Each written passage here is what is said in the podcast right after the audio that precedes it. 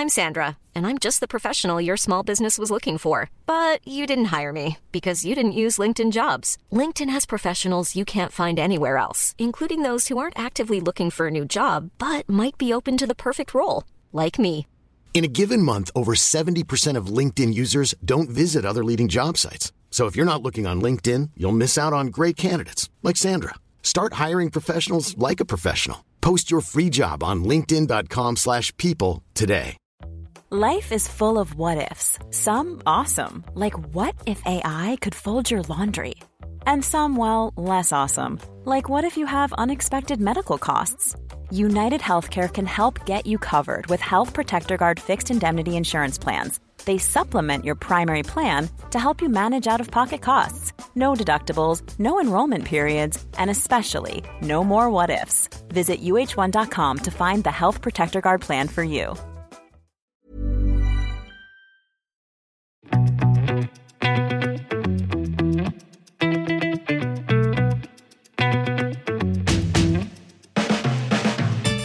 I dag skal vi endelig snakke om eh, Rolex. Merke alle snakker om, i hvert fall i disse dager, og merke alle snakker om kanskje i hvert fall siden 50-tallet. Man kan si det på den måten. Før den tid også, men det skal vi sikkert komme litt tilbake til. Eh, Rolex, er det ditt eh, favorittmerke, Jon Henrik? Nei, det er vel kanskje ikke det. Men uh, jeg har absolutt kjempemye respekt for Rolex, og, og det er jo uh, ja, Jeg kan vel nesten si at det er klokkeverdens kanskje viktigste merke på mange måter. Det må sies, det. Så, men noen sånn personlig favoritt, det er det ikke. Nei. Jeg må si jeg har eh, en stor eh, fascinasjon, og så er det noen ting som eh, også faller litt sånn irriterende, sånn eksempel at du ikke åh, jeg får ikke tak i den klokka jeg har lyst på. Men uh, alt det her skal vi snakke mer om, fordi du hører på Klokkelandslaget, en podkast fra Finansavisen i samarbeid med tidsson.no. Uh, om du liker det du hører på, så må jeg bare anbefale, anbefale å abonnere. Og det gjør du jo på de stedene du hører på podkast, rett og slett. I dag så har vi med oss Barry Kagiat fra Rolex Forum, på Rolex Forum Norge på Facebook, da, som er en eh, Facebook-gruppe med 6300 mange medlemmer. medlemmer. Og man kan jo ikke nekte for at Rolex eh, ikke bare er et viktig merke på verdensbasis, men veldig populært i Norge også. da. Og Barry er jo da en av eh, vårt lands største entusiaster, det må sies. Så Ja, det er jo takk. veldig gøy. Så det er herlig å ha deg i studio. Takk, Takk. for at du ville komme. Takk, like måte. Ja. Rolex. Vet alle som hører på, jeg vil anta at de vet litt hva, hva det innebærer. Men uh, hvis man skal liksom gi sånn pitch på merket, men kort historie, hva ville du gjort da? For folk som liksom ikke har hørt så veldig mye om Rolex, kanskje bare sette på armen til noen en gang? Uh, Rolex er jo en toolwatch, som det kalles. Det var jo egentlig ment for at uh, før i tiden, så før de fikk en del samarbeid med en del kjente skuespillere, og, og at det ble kjent i Hollywood osv., så, videre, så var jo egentlig Rolex en toolwatch. Det skal brukes. Du skal bruke den som enten som dykkerklokker, eller uh, i forbindelse med racing, med Daytona. Så eh, Rolex er, skal være kjent for å være solid. Uh, De fokuserer veldig mye på craftsmanship, håndverk, og at eh, de er presist. Det er noe de også har eh, kommer ut med garantier osv., med pluss-minus eh, to sekunder. Så de er solide, solid, og det er en stor hype om dagen på Rolex. Og det er jo derfor veldig mange er blitt veldig på en måte interessert i klokken. Dessverre på både positiv og negativ så er det blitt en del investeringsobjekter, da. Enkelte Rolex-modeller. Mm. Og det skaper vel litt sånn Det er vel delte meninger om dette investeringsaspektet blant eh, medlemmene deres? Det stemmer. Eh, vi, har veldig, vi er en mangfold av forskjellige folk. eh, og folk som har samlet på Rolex i, ja, i hele sin p- Mm. Og så har vi nye interesserte medlemmer som har eh, nettopp eh, sett en Rolex via disse kjente sosiale mediene, hvor eh, forbildene deres med store fotballspillere som går med Rolex osv. Og, så og de blir jo selvfølgelig bitt av den her basillen, og dette her må vi ha. Men det er jo ikke så enkelt, som du, hadde, som du nevnte, Nikolai. Det er, det er ikke bare å gå inn i AD-butikken og spørre om den Rolexen du har lyst på. I hvert fall hvis du skal ha en sportsstålmodell. Så, Ja, sånn men eh, Rolex er eh, i vinden, selvfølgelig. Det har vært det, og det, det vil jeg si at det er eh, det største veksten har vært de siste fem årene. Det er sikkert av supply and demand også, at folk har lett etter klokkene, og det er bare tomme hyller i alle butikker i hele verden. På de enkelte modellene, og også eh, til og med gullmodeller og de som er helt ukurante i, i sånn sett, er også utilgjengelig. De, de fem årene de sammenfaller litt også med hvor lenge du har drevet den gruppen, gjør det ikke Ja, den, startet i- eh, vi startet opp gruppen i oktober eh, 2016. Eh, Da var det Lars Petter og meg som eh, Det var han som opprettet selve gruppen og tok kontakt med meg og spurte Barry, du er jo en ordentlig entusiast og har eh, en ordentlig på en måte forkjærlighet for eh, Rolex. Og da startet vi opp den gruppa der. eh, Tok inn de jeg kjente mest i kontaktnettverket mitt. og og etter hvert så vokste vi ganske mye, men vi har holdt det ganske eh, profesjonelt, holdt jeg på å si. Eh, vi ønsker ikke å ha sånn, eh, forskjellige debatter om ting med alt mulig fra moms til eh, momsdiskusjoner til eh, Her har vi holdt oss til ordentlig klokkeglede ved å ha en Rolex, og ved å ha en, på en, måte en slags forkjærlighet for du, Rolex. dere prøver å styre liksom, hva skal jeg kalle det, interessen og debatten inn på noe konstruktivt, versus det som bare blir sånne perpetuelle diskusjoner. Ja. Ja. Det blir mye, så har jeg litt sånn med vilje over tid også prøvd å ikke få gruppen til å være en sånn ren kjøp og salg-gruppe også. Det skal være en entusiastgruppe, hvor jeg ønsker å få frem alle medlemmer som har kunnskap i alt av både vintage-klokker og nyere, moderne klokker. Eh, Men er det veldig sånn at de som er medlemmer, er det mest eh, Rolex-samlere eller Rolex-entusiaster, eller er det også litt eh, folk som har litt mer generell klokkeinteresse, tror du? Eh, Den siste tiden så har jeg lagt merke I starten så var det veldig mange av disse klokkekjennerne og disse som har gått inn i klokkemiljøet. Men litt og litt så har jeg sett at de har falt litt fra. Både fordi kanskje de har mistet litt interessen pga. den stadige prisveksten som det er på den hobbyen de var så glad i. Og klokkene var så lett, og egentlig mye lettere da, i sin tid, å skaffe. Men nå så må de også ty til å gå i bruktmarkedet, og den der eh, prinsippsaken å punge ut to-tre-gangeren i forhold til hva de kan gjøre fra butikk, Ja. Det sitter langt inne for disse klokkekjennerne, da, disse For, eh, hvis vi skal illustrere for de som lytter nå, da. Eh, hvis man har lyst på denne grønne Rolex Submarineren, altså Hulken mm. hva den, den eh, Starbucks? Nye? Ja, den nye. Men jeg, jeg tenkte også på, nå tenkte jeg spesifikt på den gamle, da. Ja. Den ble jo så, gikk ut av produksjon eh, for ikke så veldig lenge siden. Ja. Men da var prisen i butikk, Da var den på rundt eh, 80 000. og nå ligger denne prisen på.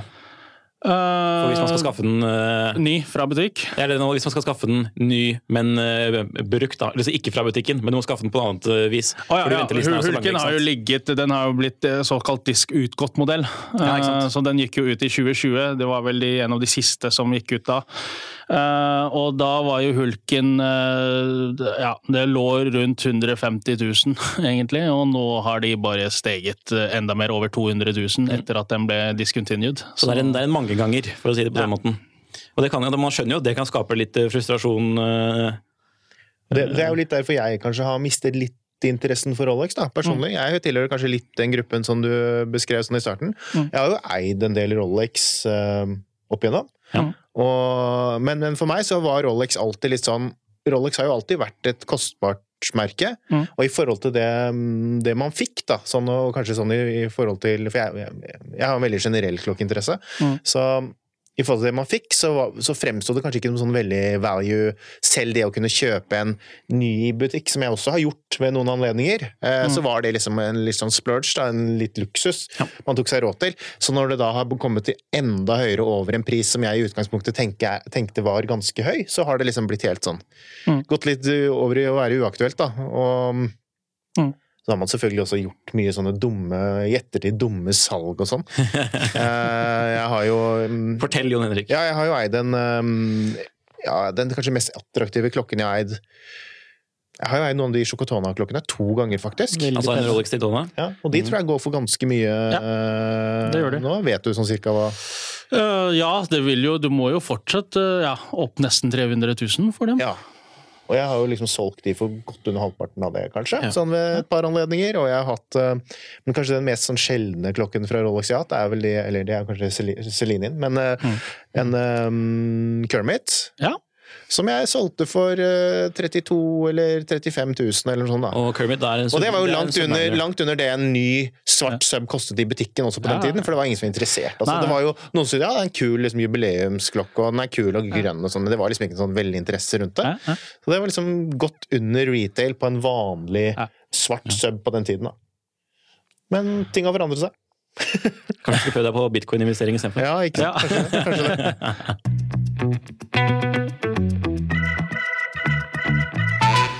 Ja, Apropos bitcoin og krypto, det er jo mye av det som jeg tror også har gjort at eh, Rolex har blitt veldig ekstra populær om dagen. Du mener at det har en en Det har en litt sammenheng der også. at eh, det kan jo være, Bitcoin har jo alltid vært sett på som en store of value. Mm. Og jeg ser jo på Rolex nå også som en slags store of value, som gull og, osv. Det er veldig mange som da Man leser jo en sånn artikkel fra Kina nå om at eh, folk istedenfor å investere på eiendommer nå, så skal de investere på luksusklokker, og deriblant Rolex-klokker eh, også. Så, Hvor lenge tror vi dette kommer til å vare? For det, nå har det jo vart det, jo, det begynte jo for kanskje sånn, fem, omtrent fem år siden, som du nevnte. Mm.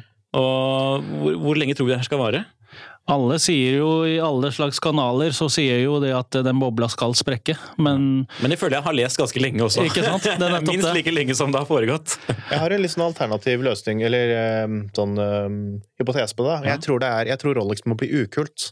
Ja. Jeg tror det er der det ligger. Det må Ja, det kommer til å gå i Det må bli, når, når, det er så, når det er så mye Når det blir så mye fokus på pris, når det liksom har nådd og, og prisen har blitt så høy, og, og det har blitt så mye Rolexer rundt på håndledd til unge, hippe folk som altså, det, det er litt sånn derre døgnfluegreie, da. At det da Når det slutter å bli kult, Mm. Så tror jeg det begynner å normalisere seg. Men jeg, jeg vil jo tro at liksom, core-gruppen av entusiaster fortsatt vil synes at det er kult. ja, ja, ja. det vil jo men, alltid men, være. Men når jeg mener jeg er kult, altså for jeg, for jeg, Ja, Du mener kult blant uh, altså, ja, jeg tror det er en del jeg tror jeg, bredere termer? Jeg tror en del av den prisveksten som vi har sett, er, det har vært drevet av ehm, folk, folk kjøpere som ikke nødvendigvis er de tradisjonelle klokkekjøperne, men som kanskje liksom har litt penger mellom hendene, da, og så ser man noe som er kult, akkurat som de syns at de nye joggeskoene er kule, eller de nye et, Altså at det er litt den samme sånn hype- hype-kultur, da. At det har smittet litt over i det. Og når det slutter å bli kult for den gruppen unge, pengesterke, veldig sånn trendbevisste folk, så tror jeg det, man, man kommer til å se det i, i prisene. Men samtidig som Rolex har hatt en uh, altså, voksende ventelister, voksende interesse, bla, bla, bla, så har jo interessen for klokker generelt, mekaniske klokker med spesifikt, Mm. også vokst. Mm. Med relativt, uh, i, i relativt stor grad. Jo, men det er en veldig skjevhet, da. Sånn Ja, i men forhold det, til da, de det fører meg til spørsmålet og- Hva blir det neste? Mm. Skal, de, skal disse nye interessentene forsvinne fra klokkeinteressen? Skal de begynne å fokusere på håndlagde sko istedenfor? Eller blir det et annet merke som får oppmerksomhet? Vi har jo sett at, at, liksom, at, det, at jo, jo større Rolex har eh, vokst seg, jo liksom mer har det dryppet ned på andre merker. At de også har fått eh, mye Men der igjen så tror jeg det har Pandemien har jo så å si slått eh, positivt for Rolex. For eh, i forbindelse, med pandemien som det har vært nå, eh, så føler jeg at alle disse microbrandsene og alle disse merkene de blir jo kjøpt opp til en av de større eh, Swatch Group og Richmond Group og osv.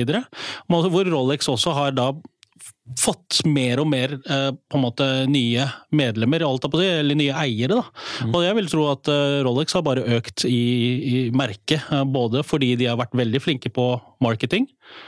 De har, eh, veldig, de har fått mye ekstra Jeg vet ikke om dere har fått med, det er jo selvfølgelig den der eh, Tiffany Blue uh, Oyster Perpetual, som uh, også har gått helt til værs uh, si, i slutten av fjoråret. Dette var jo da en serie med veldig fargerike urskiver på, på Oyster Perpetual-klokkene til ja. Rolex, som kom på Basel-messen i fjor. Nei, de kom i 2020 sammen 2020, med nye, beklager. nye Submariner. Ja, Ja. ikke sant. Og hvem skulle trodd det, det? Det virker jo som om Rolex prøver også å tilvenne seg den der yngre øh, øh, gruppen, da. Mm. Uh, for der, hvem skulle trodd at store NBA-stjerner går med fargerike Oyster Perpetual, som er entry model til Rolex? Da klarer du virkelig å hype opp et men jeg, jeg, tror, men jeg tror det der er litt sånn tilfeldig, da. Jeg, tror ikke, jeg, tror, jeg, har ikke den troen på det at det sitter noen i Sveits og har tenkt ut det der. For jeg har mer følelsen av det at Rolex at de prøver å pushe Tudor inn mot den gruppen. Mm. Og at det gjør, gjøres en veldig innsats nå, eller har blitt gjort ganske lenge, da, med mm. Tudor. Å pushe det nesten kanskje der hvor Nesten der hvor Rolex kanskje var før. Det stemmer. Og... For Tudor er jo søstermerket til Rolex, eller dattermerket, blir det riktig å si. Av Rolex. Ja. Uh, og de har jo, Tudor har jo lyst til å egentlig det har jo, Jeg har lest artikler om det, om at de har lyst til å ha sitt eget identitet, egentlig. Mm. Mm. De har lyst til å fange den der eh, interessen for, eh, ja, som du sier, litt andre grupper mennesker. Jeg kan jo se, jeg kan jo se ønske for det, men det er jo sinnssykt mye av deres DNA som er basert på Rolex. Hvis du ser på gamle Tudor-modeller, så de, har de jo samme kasse. Yes. Det er bare ja. urverket som i større grad liksom var forskjellen. Mm. Da, for at Tudor skulle være et budsjettalternativ til Rolex, da, for de som ikke kjenner til bakhistorien der. Ja. Mm. Men uh, ja. Det, det, må jo sies at det er svært lukrativt å ha en viss connection til Rolex.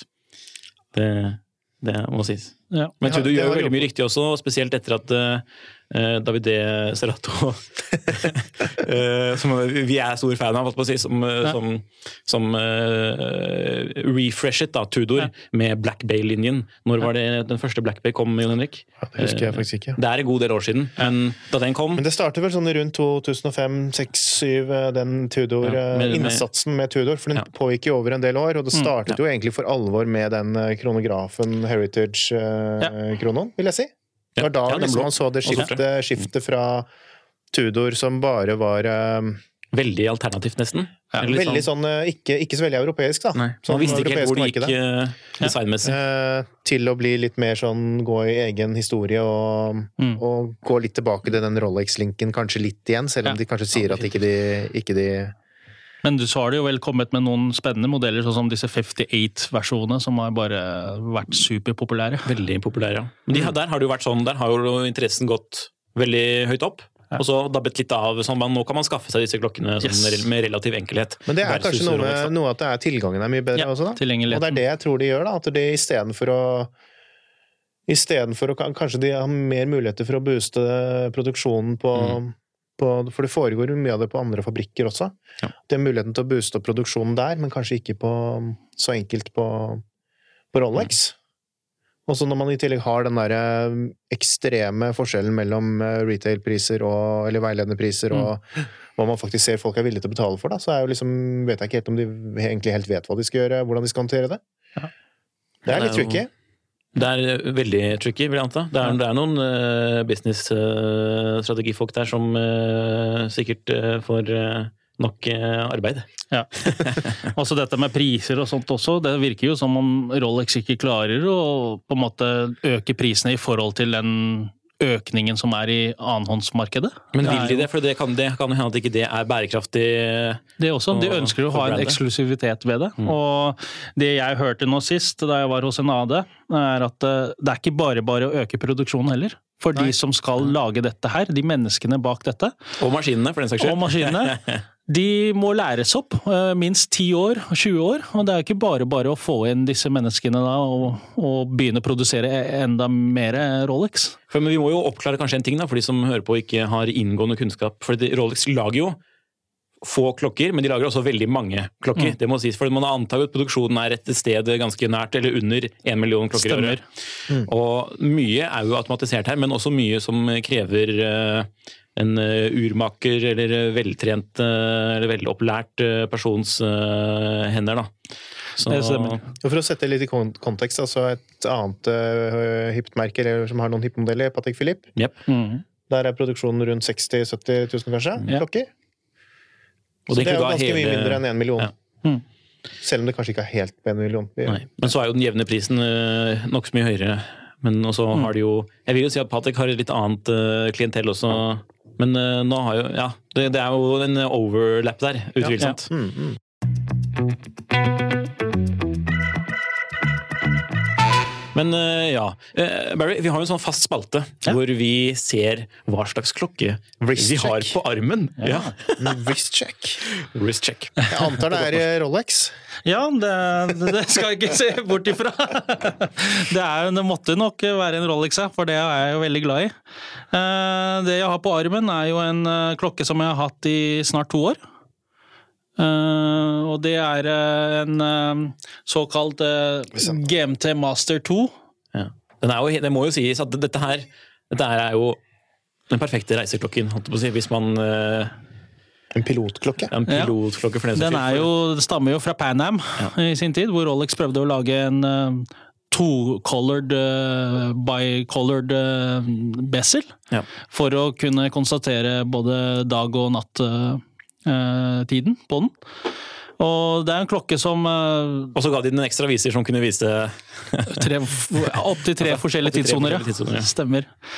Så ja, dette her er jo egentlig en viderefølelse fra, fra min fars eh, 16750, hvis du sier deg noe, Nikolai. Ja, Vi får se om er sier dere lytter nå også. Det er jo Min far fikk jo gave fra min mor i 1985, året jeg ble født. Eh, Da ga min mor eh, en såkalt GMT Master uten to. Mhm. Eh, 16750. Min personlige favoritt. Ja, godt å høre. Eh, og det kjøpte Det har vi jo sett fortsatt kartoteket fra Aden, og at eh, den betalte min mor 6250 Ja. i Og nå koster den 1985. tilsvarende Tilsvarende vil variere alt mellom 120 til 150 000, avhengig av hvilken skive du har osv. Det må jo sies at dette er en svært vakker klokke. Mm. Som, den harmonerer på, på i hvert fall øyet mitt. Og det, dette her nå, som jeg har på hånda, er jo en eh, videreførelse av det. Dette er den mer moderne maxikassen, som det kalles eh, for Rolex. Og det er jo egentlig Alt har blitt på en måte gjort større. Vil jeg si. Men siden jeg har egentlig ganske store håndledd, så passer den meg, føler jeg. Eh, De har jo holdt seg til 40 millimeter, men kassestørrelsen generelt er jo tjukkere og litt bredere enn de gamle vintage-klokkene. Så, så jeg vil jo si at jeg har jo brukt den kontinuerlig og vært en sånn slags one watch guy i snart to år, fordi jeg egentlig har gått litt smålei av klokkegamet en periode, og det må jo være lov å si. Det må lov å si. det. Vi går opp og ned. Opp og ned. Så, men den har vært eh, trofast følger i to år nå, så det har jeg vært veldig fornøyd med. Og jeg digger den fortsatt, og det er en sinnssykt fin farge på den. Når det er sånn forskjellig lysvinkel, så har den en veldig sånn dybde i den blåfargen. Og bare disse moderne klokkene, Nikolai, eh, så er det egentlig forskjell til og med nå. På, den kom jo ut i 2018. Men helt fra 2018 til nå så har den kommet til og med i tre versjoner eh, på Bessel. Fordi Rolex har ikke helt fått dreisen på dette med Nei, med har folk lagt merke til, blåfargen. eh, Ja. blåfargen ja. Og det var et problem ganske lenge, og kanskje en av de grunnene til at ikke Pepsin kom tilbake tidligere. Mm, stemmer. For du så jo det, den kom jo først med, med sånn eh, Pepsi Bessel, kom jo på den i hvitt gull. Ja. Der er jo fargene Lilla rett og slett litt off. For vi må jo si at det er, jo, det, var, det, var, det er mye enklere å sette farge på en Bessel i aluminium, eller stål, da, eh, enn eh, i keramiske materialer sånn som denne. Stemmer. For her har du jo lagt på den rødfargen helt i bunn, Mm. og så har de prøvd å få på plass den blåfargen ved å legge på oppå den. Men Det var eh, jo litt morsomt, fordi Hublå har jo også, mm, med et helt annet merke, har driver jo på mye med sånn teknisk keramikk. Mm. Og det var vel på Basel muligens ett eller to år før Rolex uh, lanserte den. Så hadde jo de noen klokker som var i blant annet rød og Eller hvor de mikset, det må jo ha vært at de mikset, Ja. kombinerte. Og da hadde vel eh, Jean-Claude eller noe gått i Rolex eh, der og sagt eh, Ja, sjefen for Hublå, da. Mm. Og en legende i klokke... Sånn Ja, der, hvis du vil ha noe hjelp, så er det bare å ringe. Ja. Så, det er jo en spicy kommentar, da. Det er morsomt. men de har jo fått det til, da. Men, men, men det er også veldig typisk Rolex, det du nevner der. Det å gjøre veldig sånne gradvise endringer uten, uten at man kanskje blir eh, opplyst om det. Sånn, Mm. eh, det skjer jo sånn i sånn, sånn Ja. Ja, folk elsker jo å gjøre parallellen til Porsche med 911. ja. Ja. Med Små detaljer. oppgraderinger. Ja, men, der, men, men her er det jo veldig sånn i det skjulte. Ja, ja, sånn, eh, ja. på, Veldig på en del sånne ting. Og det er litt morsomt. Da. Det kan gjøres det jo- på biler også, at man gjør små oppgraderinger underveis, men eh, Men her kan du jo allerede merke selv på de moderne klokkene i maxikasse, sånn som f.eks. Hulken, da, som ble um, discontinued. Mm. Der så vi også gjennom årene at det var små forskjeller i fonten på teksten også. De, de gjorde en del endringer der. Eh, Så det Hvis du virkelig legger merke til og begynner å studere klokkene du har, så kan det være små og minimale forskjeller som du kan være forskjell fra en annen. Og noen eh, samlere vil jo ilegge mer verdi til visse av disse variasjonene enn andre Bergens. Mm, ja. Så Og det det kan å- hypes opp på den måten. ikke sant? Så det er mye for Rolex-entusiastene å eh, sette tennene i. Ja. Men når det kommer til små oppgraderinger også. Det er jo morsomt hvor lite et, bare en, liksom et Tiffany-stempel på utskiven eh, kan, Kan utgjøre for interessen. Yes. Og det er jo fiffig, og det er naturligvis ekstra fett å ha en med Tiffany. Altså en sånn, det er jo en eh, kjent eh, retailer i New York, eksempelvis. Mm. Ja, det var i hvert fall Det var i kult. hvert fall, ja. Ifølge Jon Henrik Haraldsen. ja, men eh, ja, ja, hva er det du har på hånda da, Jon Henrik? Ja, vi skal kjøre full runde. Ja, vi kjører full runde. Ja, jeg har ikke Rolex. Det sa jeg jo, for jeg, har, jeg er jo faktisk ikke den eneste Rolex. Eh, Siste jeg Rolex jeg hadde, solgte jeg for ett eller to år siden. Mm. Og det var jo ikke engang en sånn sportsmodell. Nei, det var jo en sånn Skal vi eh, sende over den klokken til? Bare igjen. var jo en fiffig Men du har jo en svært eh, lekker greie her, Jon Henrik. Jeg ser jo Sånn, allerede nå, nå. eh, Et alternativ til den hulken, da, eller hva vi snakket om? Ja, ja. Det er jo klokker som koster, eh, i hvert fall i bruktmarkedet, kanskje nesten lik, omtrent det samme, eller noe sånt. da? ja. Og her er det jo Dette er ikke sveitsisk engang. Nei, det er min tyske lang 1815 updown. Ah. Dressklokke. Mm. Hvitt gull. Vi- Sølvfarget skive. Nydelig. Veldig, Utrolig vakker. eh, Litt sånn inspirert av gamle sånne marinekronometere. Mm. Lom- Lommeur. Ja, det, er, det er altså Det, det er jo øh, Ganske slank. tysk finmekanikk, Og urverk på, som er synlig gjennom Ja. Nydelig. rett og slett. Det er jo mye flott som kommer ut av Glasshytte, denne byen hvor Langonsønne holder til. Absolutt. I Tyskland. Og 1815 Updown må jo synes å Det er jo mange som har den som øh, en sånn øh, en sånn bra Altså en av sine favorittklokker fra det merket, er det ikke det? Jeg føler det er en sånn veldig god entry til Lange. Ja. Uten å liksom kjøpe de helt rimeligste, så er det liksom litt opp. Det er litt opp, og så er det litt mer enn bare en enkel eh, sånn uh, trehander. Litt, litt mer som skjer, i og med at man har den uh, gangreserveindikatoren. det liksom det er ikke det mest åpenbare valget fra merket, for det, det, da vil man heller tenke Ja, det, er det, det er det faktisk litt ulike opp- oppfatninger er om. Fordi hvis man, ser, hvis, man ser på, hvis man ser på for seg Lange fra 1994, hvor det ble relansert, mm. selvfølgelig Lange igjen, da vil det kanskje stikke seg frem som den klokken som er Riktig. selve Lange. Men hvis man ser på, går tilbake til det gamle Lange, så er jo den stilen her litt mer sånn øh, Sånn som man ser på lommurene og, og sånn det var før, da. Ja. Så det er liksom to, to, to smaker av, av Lange. Hva med deg? Skal vi, Jeg, jeg prøver å fiske prøver av meg klokken på håndleddet. ta den på en diskré måte? Ta den på en diskré måte. Jeg har jo da på meg min Det er jo en av de første klokkene som eh, hva skal jeg kalle det, boostet eh, interessen for min del.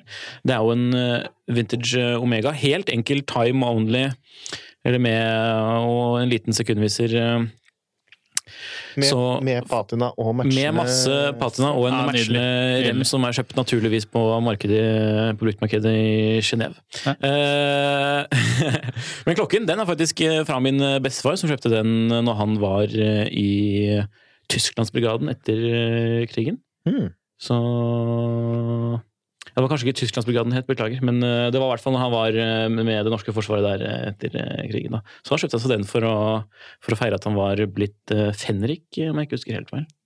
Så det er jo litt morsomt. Det er sånt klassisk eh, 30 T2-urverk på innsiden da manuelt opptrekk, for de som interesserer seg for slikt. Og så er det pleksiglass foran nå. Så det er Det er virkelig i vinden, eh, disse vintagene. Særlig på en annen klokkegruppe som jeg er på også. Ja. Eh, Der er det en kompis av meg som nettopp kjøpte seg den Pipan. eh, Ja, riktig. skiven. Det er jo litt senere. Ja, Dette her, senere. er, her er jo fra 40-tallet, faktisk, selv om den ble kjøpt på 50-tallet. Ja. Så Omega har jo en sånn bra eh, sånn bra, hva skal man kalle det, eh, vintage-avdeling, eller med sånne folk som jobber på museet, som også kan sjekke opp historiene på de enkelte klokkene. Men uh, man kan søke opp uh, nummeret og se på produksjonsår Ja. uh, gratis. Eh, men så få en sånn full rapport sendt hjem, det koster litt. da. Men for eksempel andre merker, Longin, for eksempel, de, har jo, de sender deg gratis sertifikat på hvor klokken din ble sendt til når den var ny, og hvem som var retaileren. da. Og de har jo et så sinnssykt flott arkiv også. de har et veldig bra arkiv, og du kan med du kan til og med source originale bilder da, fra, for fra 40-tallet for å se om alle detaljene ved din faktiske referanse er korrekt. Ja. Så det er morsomt med sånne merker som hjelper deg å samle. Rolex de holder jo ting litt tettere eh, til brystet, for å si det sånn. I'm Sandra, and I'm just the professional your small business was looking for. But you didn't hire me because you didn't use LinkedIn jobs. LinkedIn has professionals you can't find anywhere else, including those who aren't actively looking for a new job but might be open to the perfect role, like me. In a given month, over 70% of LinkedIn users don't visit other leading job sites. So if you're not looking on LinkedIn, you'll miss out on great candidates like Sandra. Start hiring professionals like a professional. Post your free job on linkedin.com/people slash people today. There's never been a faster or easier way to start your weight loss journey than with PlushCare. PlushCare accepts most insurance plans and gives you online access to board-certified physicians who can prescribe FDA-approved weight loss medications like Wigovi and Zepbound for those who qualify. Take charge of your health and speak with a board-certified physician about a weight loss plan that's right for you. Get started today at plushcare.com slash weight loss. That's plushcare.com slash weight loss. plushcare.com slash weight loss.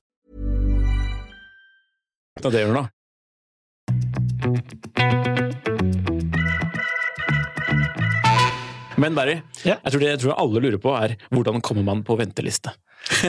Ja, Godt spørsmål. Um, Jeg har jo egentlig bare en langvarig, etter langvarig kundeforhold med AD. Mm.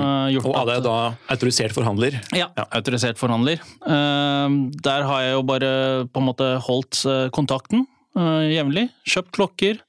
Uh, og bare vist en, på en, en slags uh, ja, entusiasme rundt uh, hver klokke man kjøper. Og, og har bare egentlig holdt den kontakten uh, i, i helt siden uh, 2016. Så så det, så det, hjelper å være hyggelig, med andre ord. Ja, det gjør det. for, for når du sier være i kontakt, så betyr ikke det at du driver og spammer dem med mail hver eneste uke og maser at du skal få kjøpe klokke? Nei, det hjelper jo å stikke innom butikken da, og hilse på, og bare vise entusiasme, egentlig. Og ja. bare, bare at, eh, vise at du kan faktisk eh, Dette er en klokke man har lyst på virkelig. Og, og kommer til å bruke, ikke kommer bare til å slenge ut og finne det man yes. henter den ut. Ja.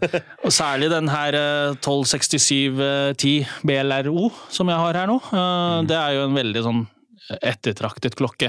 Mm. Men jeg har brukt den daglig i to år, fått mine battle scars, som det kalles. Så, og, men holder seg fortsatt fint. Og det er jo, som jeg nevnte, det er en toolwatch, og det skal brukes. Det var veldig synd å bare ha den i en safe og kalle den en safe queen.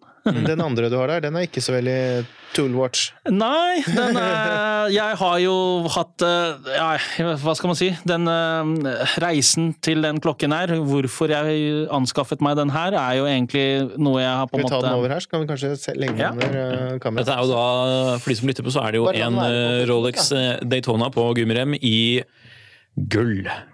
I flott Oyster gull. I en sånn slags neo Paul Newman-dial. Ja. Eh, jeg har jo gjort mine research på den, og jeg har jo sett også at eh, alle vet jo at eh, den mest, det dyreste klokken som ble solgt nå i aksjon, er jo den Paul Newman-klokken som Paul Newman selv har hatt. I 2016 var det vel den ble solgt for 100 og 17,8 millioner dollar. ja. Så de- Jeg har jo sett på de gamle versjonene av de gullversjonene av Paul Newman Dials. Og det, det fine ved, ved dette, ved researchen jeg har gjort, er at Paul Newman er jo egentlig skuespilleren i seg selv. Eh, men egentlig i Rolex i sin tid eh, lagde eksotiske dials, exotic dials. Og, og det ble gjort, laget av en eh, manufacturer av, av skiver som heter Singer. John Singer. Og John Singer eh, og den eh, selskapet der, de lagde jo disse eksotiske skivene. Og tro det eller ei, i sin tid så var ikke disse her populære blant eh, kjøperne i, sin, i den tiden. Veldig mange ville ha de ordentlige originale Rolex-skivene, litt sånn kjedelige skiver, da. Ja. Og hvem skulle trodd da at i ja, begynnelsen av 90-tallet så begynte folk da å hamstre inn disse skivene som ikke var så populære i den tid. Og har i etterkant kalt det Paul Newman fordi han også har blitt avbildet med en Paul Newman-skive. Så Det er, det er jo, hvis man skal eh, virkelig eh, være kul på en auksjon, så kan det jo komme da være en av de som kommer med en sånn en, sånn, en hel katalog, eller sånn frimerkebok nesten, med masse Yes. små eh, singerskiver og prototyper og alt Helt mulig. rått. Hvis jeg skulle nevnt til deg nå, Nikolai, eller Jon Henrik, eh, hvis jeg skulle sagt eh, 6241, PN, Ja. JPS, 14K, ville det sagt noen noe for dere? Eh, nei. 6241 er jo en Daytona i sin tid, en firesifret Daytona. Mm. Eh, der fantes det både i stål og gull. Når, Eh, hvilken, hvilken, hvilken årsperiode var dette? ja, da snakker vi sånn rundt uh, 60-tallet. Ja. Uh, 62-41, ja, rundt 60-70-tallet. Um, og der var det jo sånn at uh, den modellen her, uh, så faktisk en artikkel om det, at en sånn komiker, kjent komiker i USA, Ellen DeGeneres, kjøpte seg den her via Amsterdam Watches, eh, som også samler på vintage. Riktig. Eh, Den klokken her er jo en gull modell. Og den 6241 er jo ref-nummeret til den Daytonaen, i gull denne gangen. P1 står for Paul Newman, fordi det er en exotic dial i sin tid. Ja. Og JPS er jo John Player Special. Uh, John Player er jo tobakk-sigarettforretningen, uh, som da drev og sponsa Lotus uh, i Formel 1. Og Arton Senna har jo også vært og kjørt for eh, det merket. Mhm. Og det fine er at eh, 14K det er 14 karat istedenfor 18 karat. Og det var egentlig de modellene som ble solgt i USA, for da blir det solgt i 14 karat. Uh, Hva, hva var grunnen til det?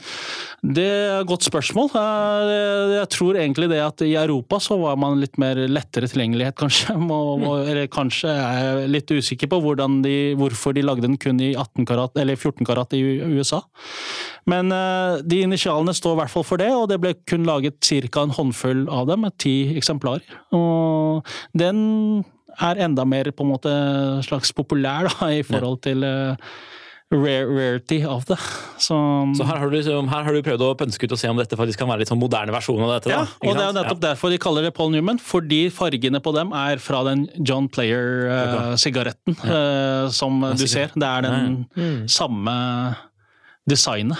Fiffig. Så har du de røde detaljene rundt uh, på sidene, som også kommer fra den stålversjonen. da, 6241. Så det, som du ser, det er matt skive også, som gjør den litt sånn vintageaktig. Det er Veldig mange av de moderne klokkene har jo litt glossy eh, effekt på den. Her har du en matt skive, som gjør den litt mer vintage også i det. Så det, alt handler om eh, detaljene Ja, ja, ja. når man samler på Må jo Rolex. geeke meg litt i det der. det, jo, det jo, Vi, vi elsker det vi hører, så Så det er jo interessen som har gjort at jeg falt for den skiven her, og jeg uh, meldte interesse for den uh, for en stund tilbake. Så Veldig, veldig kul. Det er bare, altså Igjen, samme som med GMT Master 2. Det er bare en klokke som harmonerer for eh, øynene, hvis man eh, liker uttrykket. Og det er jo et veldig sånn eh, eh, som kan favne mange også. Mens på f.eks. noen lange modeller så blir det litt særre. Og noen Rolex-modeller, for den saks skyld. Og noen Omega-modeller. Og Og, noen Rolex-modeller. og noen Rolex-modeller. Ja, Ja, ja, ja, så avgjort, så avgjort.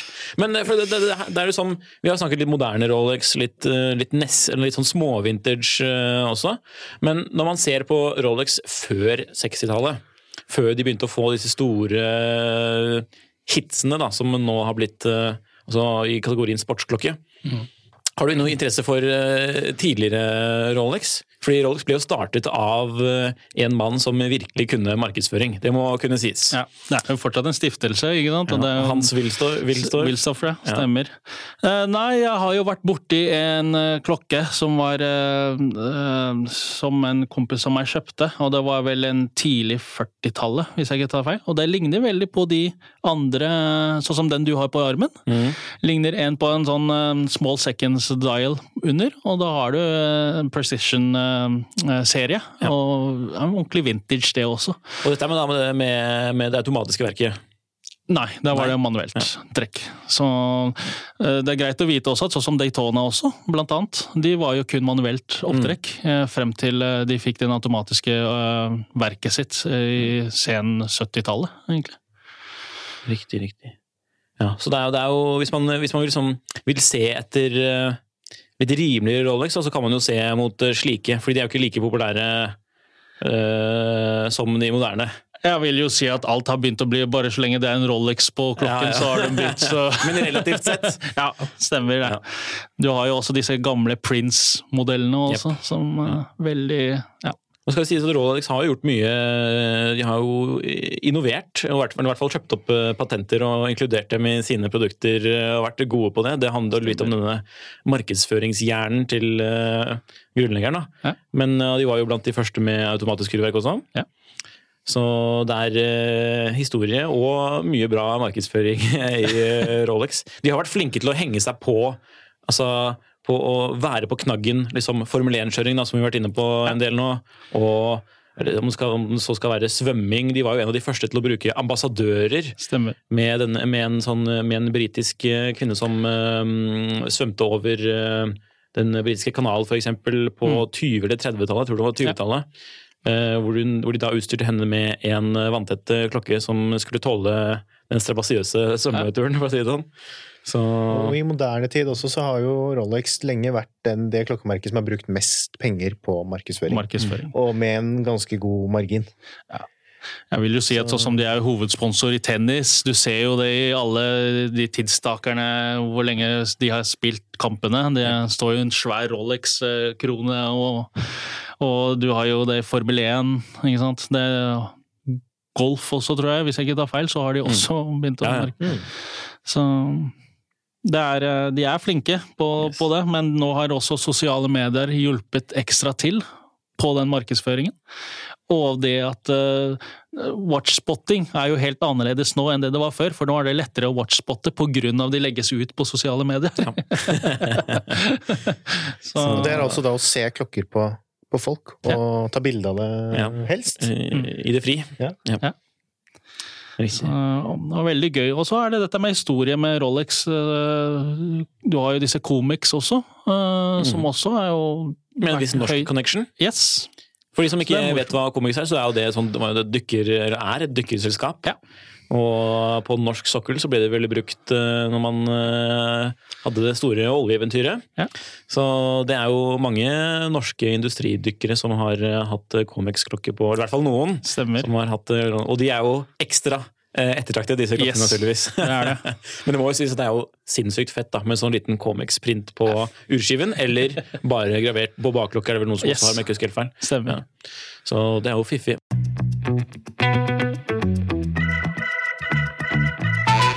Men eh, det er litt sånn, det er jo for eksempel da, med disse Comex-klokkene, det finnes jo noen som ikke er eh, ekte. Ja, dessverre. og rett og slett helt fake. Når du har et industri eh, fra Rolex som er så stort, og da kommer selvfølgelig alle disse kopiene også frem. Dessverre så er det såpass gode kopier nå at eh, det er for den, for, eh, for enkelte entusiaster og kjennere, vil ha vanskeligheter med å kunne se faktisk at klokken er ekte. Det går på det minste detaljet nå, og det er det som er litt skremmende nå. Ja. Så jeg pleier å alltid si uh, kjøp heller direkte fra butikk hvis du skal ha en moderne. og hvis, og, vi, og hvis du, Vanskelig- vanskelig råd ja, det er akkurat det. Hvis man kan.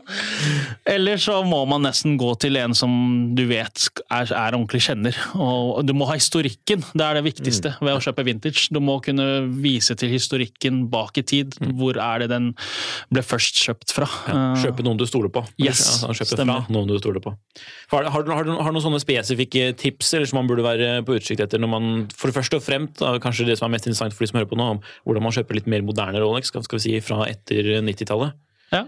Hva tenkte du på sånn litt sånn tips? er og- generelt om du har noen eh, bullet points som man kan liksom ha med seg i bakhodet når man, er, når man browser på Finn eller Krono24 eller Ja. eBay eller hva det skulle være. Ja, Det fine også med disse sosiale medier og internett er jo at det er veldig mange gode dokumentasjoner også på å se forskjeller på disse klokkene. Som man eksempel kan lære ved å melde seg inn på Rolex Forum. Ja, Ja. eller uh, man kan spørre fint der, for det er veldig mange medlemmer der som kanskje ikke er aktive til vanlig, men når det først dukker opp noen vintage-spørsmål, så er de til stede og kan hjelpe og bidra. Og det er veldig mange av medlemmene her som kan veldig mye.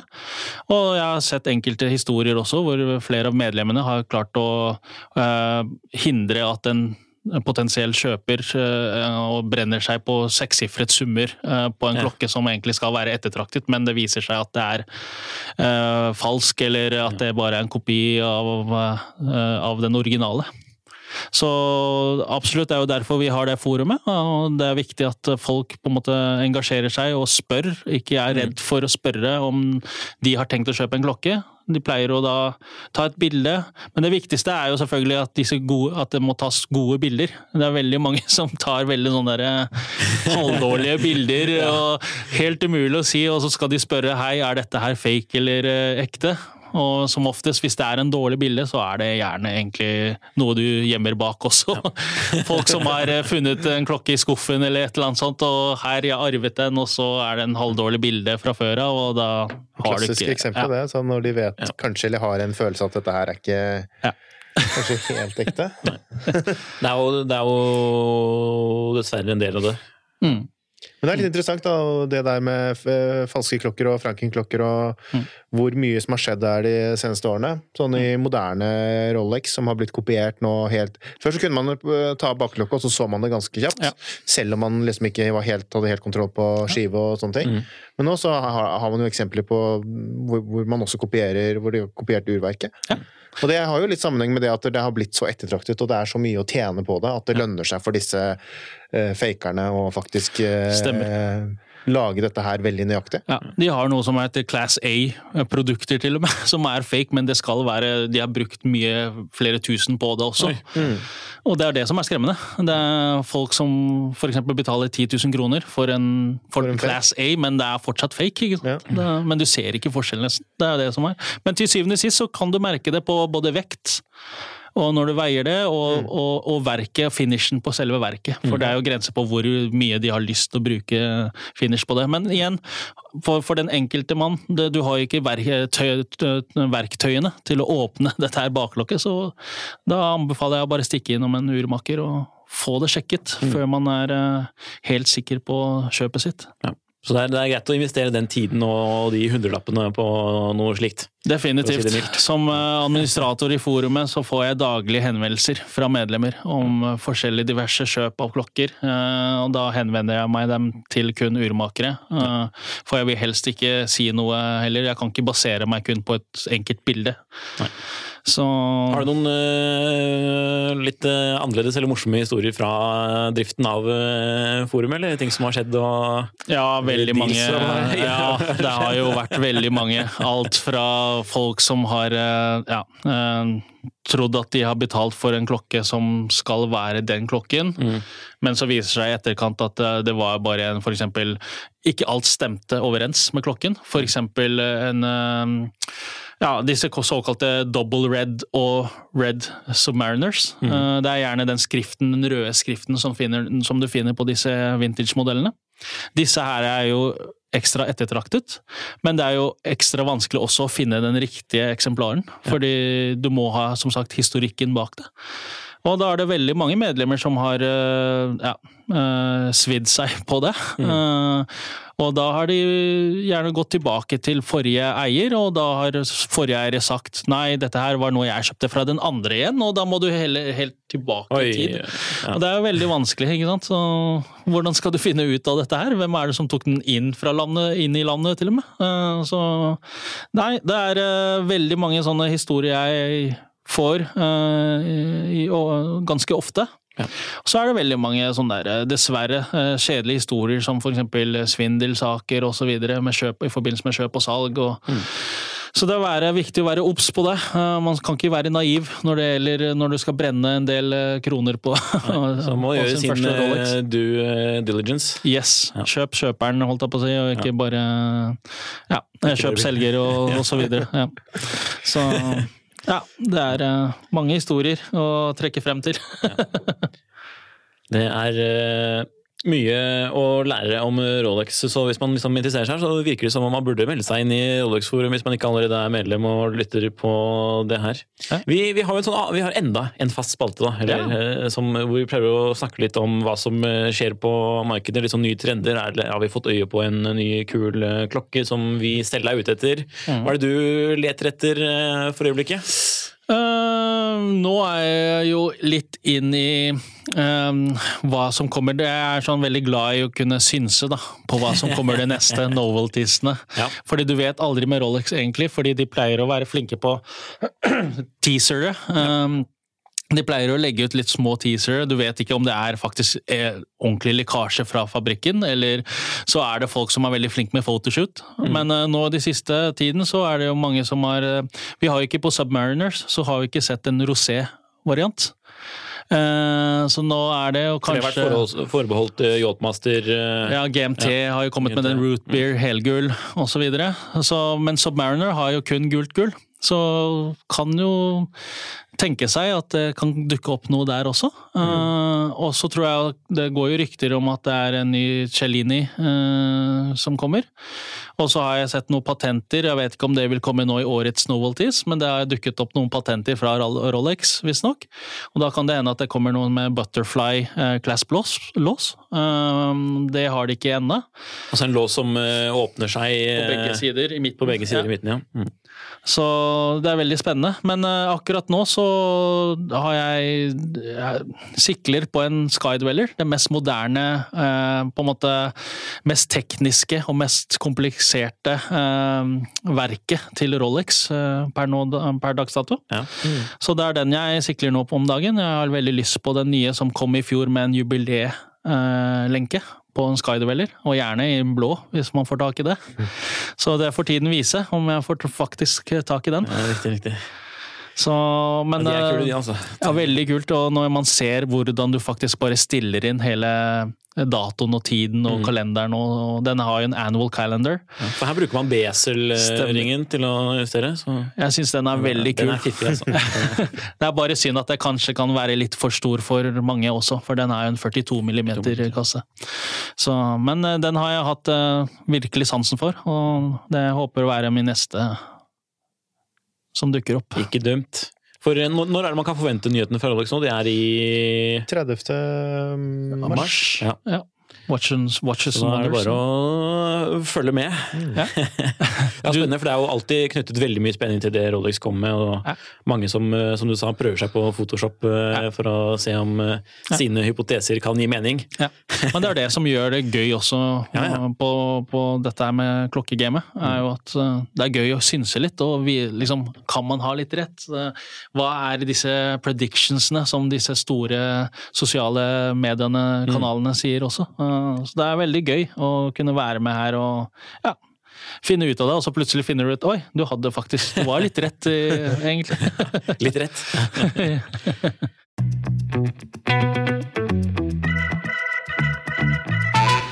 Ja, Henrik, har du noen uh, uh, ja. ting som fanger øyet? Ja, jeg har i en litt annen eh, ende av prisskalaen, kanskje. Det var det? Har, Skryter du, eh, mener du? Eller? Det er noe veldig billig. Eller ikke Noe veldig billig, ja. veldig, billig Ja. veldig, ganske tilgjengelig, da. Eh, det er, det er kanadisk merke, tror jeg. Eh, Maraton. Ja. Mm. Som lager eh, militærklokker, eller de har laget mye klokker til, eh, til militæret, og har vel egentlig vært litt sånn Nesten Jeg tror, jeg tror mye av businessen deres primært har vært leveringer til private eh, Unnskyld, eh, til militære eh, kunder og, og sånn. Eh, men de selger jo også kunder til, eh, til Eller kunder selger kunder, nå bare uttaler jeg her. Selger også klokker til privatkunder. Mm. Uh, og de har en kvartsmodell som heter uh, Navigator. Yes. Som uh, eh, jeg har begynt å bli litt sånn småsjarmert over. Dette er jo ikke sånn klokke som eh, man vanligvis eh, kunne tenkt eh, Plastklokke. At du var så veldig interessert i? Ja. Ja. Eller kompositt? er det vel Jo, men jeg er jo litt sånn, jeg, er jo litt sånn, jeg, jeg har jo litt sånn uh, fascinasjon for uh, billige plastklokker. Ja. Ah. Og dette er også en eh, toolwatch, Så- men i andre enden av liksom En toolwatch, men den er toolwatch fordi den er så billig at den er replaceable Ja. når den ryker. Å, ja. Så det er en litt annen tilnærming enn at Mm. den bare skal vare og vare, men den er så billig at den, den holder, tåler mye, og når den ryker, så kjøper Den Den er vel bygget etter en, en spesifikasjon som det amerikanske militæret først sendte ut på 70-tallet, Ja, det tror jeg om jeg stemmer. ikke husker helt feil. For den har en, veldig, den har en sånn øh, veldig har en, Ikke veldig, men noe karakteristisk urkasse. Litt sånn, litt sånn puteaktig. Litt puteaktig, ja. Eller C-shaped, det er vel noen som kaller det også, men uh, Ja, okay. nei, nei, nei, beklager. Jeg, tar, jeg skryter. Det er, det er, det er, Den er egentlig litt mer D-shaped, nesten, fordi Ja. den går mer ut på På den kassen, siden. Den er asymmetrisk. Kassen, asymmetrisk. kassen fungerer liksom litt som eh, krone, kronebeskytter. Absolutt. Det er, en veldig fet klokke. Jeg liker den øh, godt, jeg også. Den er kul. Og jeg rocker jo ofte, veldig ofte, i hvert fall når jeg er hjemme og ikke sitter her og skal liksom pynte meg med finklokke, så Mm. Bruker jeg veldig ofte en eh, Victorinox uh, karbonfiberkvarts ja. tanks. når jeg er ute og slenger. Mm. Så um, det er liksom en sånn klokke som kunne vært et, et et alternativ til den, kanskje. Ja. Så vi får se. Bra for småbarnsfaren som skal ut på strabasiøse ferder med vogn og, og bleie. sant? Ja. Hva med deg? Har jeg du funnet noe spennende? Nei, meg. Jeg eh, har jo ingen Rolex, eh, eh, ingen Patek, ingen Lange heller. Men eh, en av de liksom nyeste klokkene som har kommet uh, i 2022, som jeg syns er litt fete, er faktisk, og som ikke så veldig mange andre syns er fete, tydeligvis, i hvert fall om man skal, om man skal dømme etter kommentarfeltet, så er det det nye Zenit Defy, som er, kommer i denne revival-kategorien, da, som har eh, en veldig sånn uh, 60-70-tallskasse som er spesiell, om man kan kalle det på den måten. da. Ja. Um, den, er litt mer sånn, den, sånn, den har sånn diamantvinkler, føler jeg. Mm. Uh, og kommer på en finurlig lenke som har sånne hull i midten. og det er bare, Alt er rart. Freres. Og ja, var, Opprinnelig så var det Guy Freer som uh, lagde denne ja. lenken. da. Og- Jeg vet ikke om det er det nå, det er det kanskje ikke. Men nå, uh, det, det, det, Nei, er det, ikke. det er ikke. Nå, nå er det Zenit, uh, eller deres supplier som lager det. Men uh, like så fremt. En veldig kul uh, nyhet da, fra Zenit. Mange som syns at det er litt sånn at det er litt sånn døll lansering. Uh, mange er jo litt over denne perioden hvor man bare skal Ja. komme eller med reissues, da, eller med nye modeller av gamle klokker som rett og slett som liksom produsenten da har i anførselstegn det jeg sier nå, kopiert.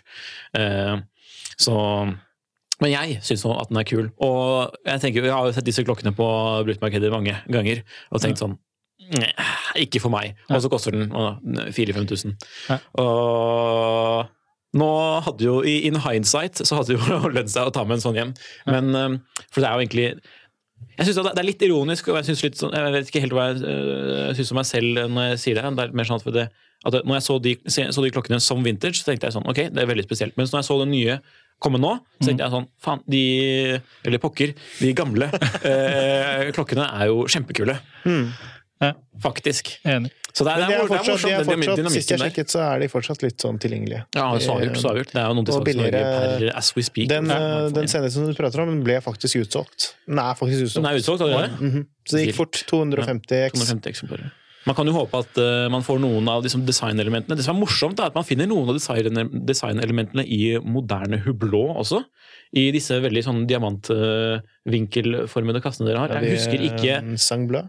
Eh, for eksempel, Den veldig blå, ja, for eksempel.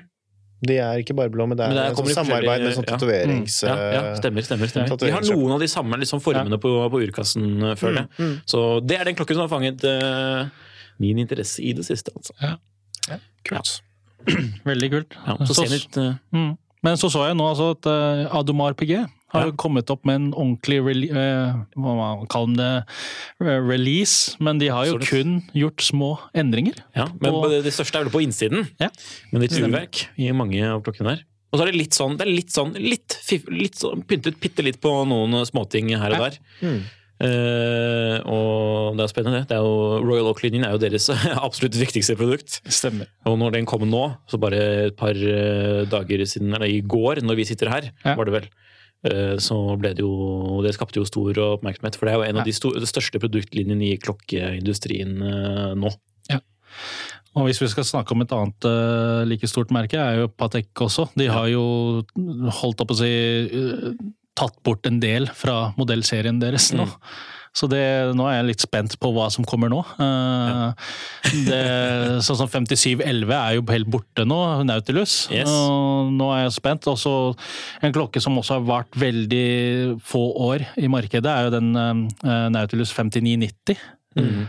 i stål. Eh, så det, det er mye som skjer i- Patek om dagen, tror jeg. Og jeg er spent på hva som kommer nå. Og det får vi vel også se den 30. mars. Yes. Sannsynligvis. Så mye i gjerdet, altså. Eh, nå har vi jo holdt på en stund, så dette her, liksom, eh, dette her er det for denne episoden. Eh, tusen hjertelig takk for at du kom, Murray. Selv takk. Veldig gøy å være med. Så må de som interesserer seg for Rolex eller bare klokker generelt eller vil lære mer, de må da bare melde seg inn på Rolex Forum Norge på Ja. Facebook. Ja. Så vil vi ellers bare, egentlig bare takke til dere som sitter nå og lytter på Klokkelandslaget, en podkast fra Finansavisen i samarbeid med tidsson.no. Husk også å sjekke ut våre andre podkaster, eller Finansavisens andre podkaster.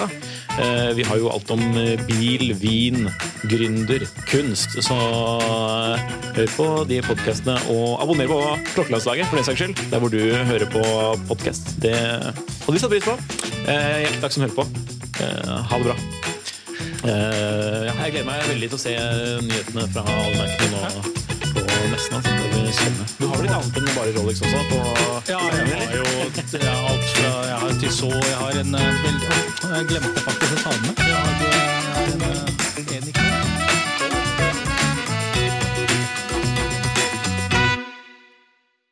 Klokkelandslaget er en Finansavisen-podkast i samarbeid med Tidso. Programleder er Nicolai Giel og Jon Henrik Haraldsen. Produsent er Lars Brenden Skram. Podkast- og videoansvarlig er Marius Mørk Larsen. Og ansvarlig redaktør er Trygve Hegnar.